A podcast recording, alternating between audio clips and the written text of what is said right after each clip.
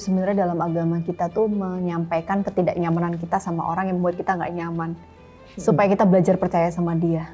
Eh, itu bukan hanya boleh sih, itu perlu karena itu salah satu aspek dakwah dalam Islam. Karena kadang-kadang gini loh Bib, kita udah belajar untuk memaafkan. Eh ternyata orang itu masih marah sama kita. Iya, Kita udah belajar untuk berdamai, udah berusaha untuk percaya sama orang. Eh kita ditipu Bib. benar. Ternyata dia mengambil keuntungan dari, Dari kita. relasi kita. gitu. Nah itu gimana ya Bib cara menghadapinya? Kalau aku sih pertama ya pasti kita menyeleksi ya untuk percaya kepada orang. Setuju. Tapi kan pada titik tertentu ada hal yang tidak bisa kita seleksi lagi. kan.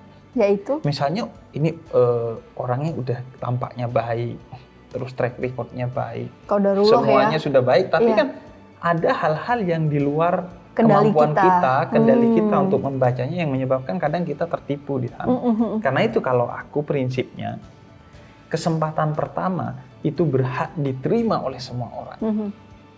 Semua orang berhak mendapatkan kepercayaan Jadi- pertama kita setelah kita seleksi. Jadi itu adalah salah satu cara kita untuk bisa eh, belajar percaya itu tanpa judgement dulu ke semua Iya. orang. Oke. Semua orang berhak untuk menerima kepercayaan kita di awal. Lalu Nah, kepercayaan atau kesempatan kedua itu diberikan kepada orang yang kita sudah pastikan bahwa dia telah menyelesaikan hmm, eh, masalahnya dengan kita. Artinya dia sudah eh, berbenah. Iya. Nah, ketika dia sudah bisa membuktikan bahwa dirinya sudah berbenah, maka kita eh, wajib untuk memberikan kesempatan kedua lagi kepada dia. hmm, kesempatan kedua ini yang menurut aku juga harus kita latih ya Bib untuk kita percaya sama orang lain. Benar. Kadang Nggak eh, mudah ya.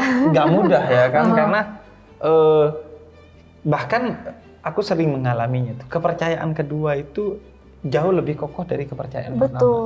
misalnya ya karena bisa jadi kepercayaan pertama itu hilang karena hal-hal yang sifatnya kesalahpahaman Betul, miskomunikasi. miskomunikasi Iya, atau mungkin kehilafan iya, iya. iya. Ah, kayak aku sama temen sama rekan kerja Mhm. aku kadang itu yang kedua justru yang lebih paten tuh bahan- mhm. pertama ada masalah kemudian aku kasih kesempatan kedua dan yang setelah kedua ini nggak pernah ada Tapi masalah lagi Boleh nggak sih Bib sebenarnya dalam agama kita tuh menyampaikan ketidaknyamanan kita sama orang yang membuat kita nggak nyaman Hmm. supaya kita belajar percaya sama dia. Eh, itu bukan hanya boleh sih, itu perlu karena itu salah satu aspek dakwah dalam Islam. Artinya eh, mengatakan kepada dia sejujurnya apa yang dia butuhkan. Itu untuk circle manapun. Artinya gini nih, kadang-kadang kan orang ini nggak terlalu dekat sama kita. Dia bukan circle satu kita. Mm-mm. Cuma dia membuat kita nggak nyaman gitu, Bib. Iya.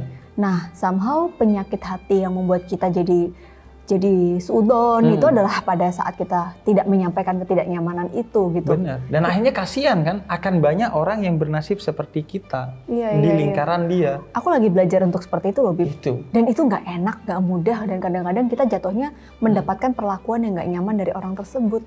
Benar. Karena gini, bahana Hmm. kata Sayyidina Ali bin Abi Thalib tuh ya, kita dituntut untuk menyampaikan apa yang perlu orang dengar, bukan apa yang ingin dia dengar. Nah, Hmm. Seringkali ketika kita menyampaikan sesuatu ke teman kita tuh hanya apa yang ingin dia dengar.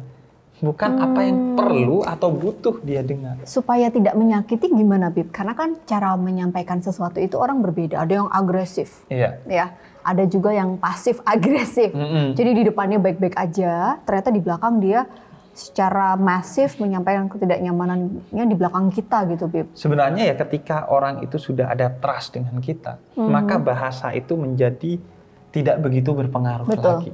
Bahkan Kuncinya itu. ketika kita udah deket banget tuh, eh, bahkan nggak butuh bahasa. Dia udah paham gitu ya. Iya.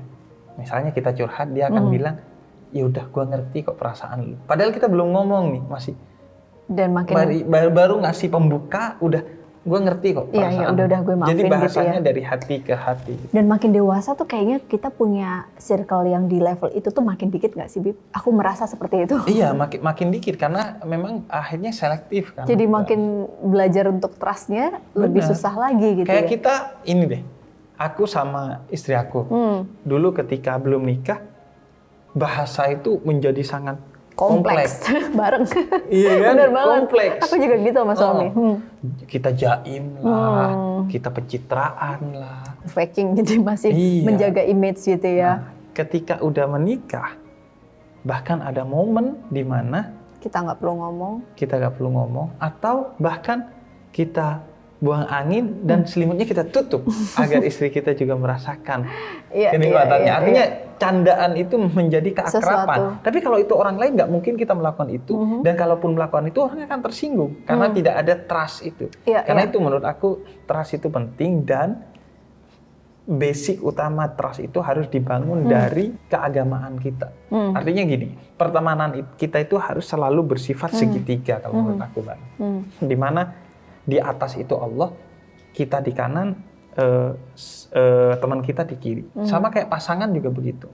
Semakin kita dekat kepada Allah, semakin kita akan dekat tuh kedua orang yang berteman ini. hmm. Nah, itulah yang dalam surat Al-Zuhruf ayat 67 Allah katakan, jadilah teman bukan hanya di dunia, tapi di akhirat. Masya Allah. Karena orang yang berteman karena Allah di dunia, maka di akhirat dia akan berkumpul.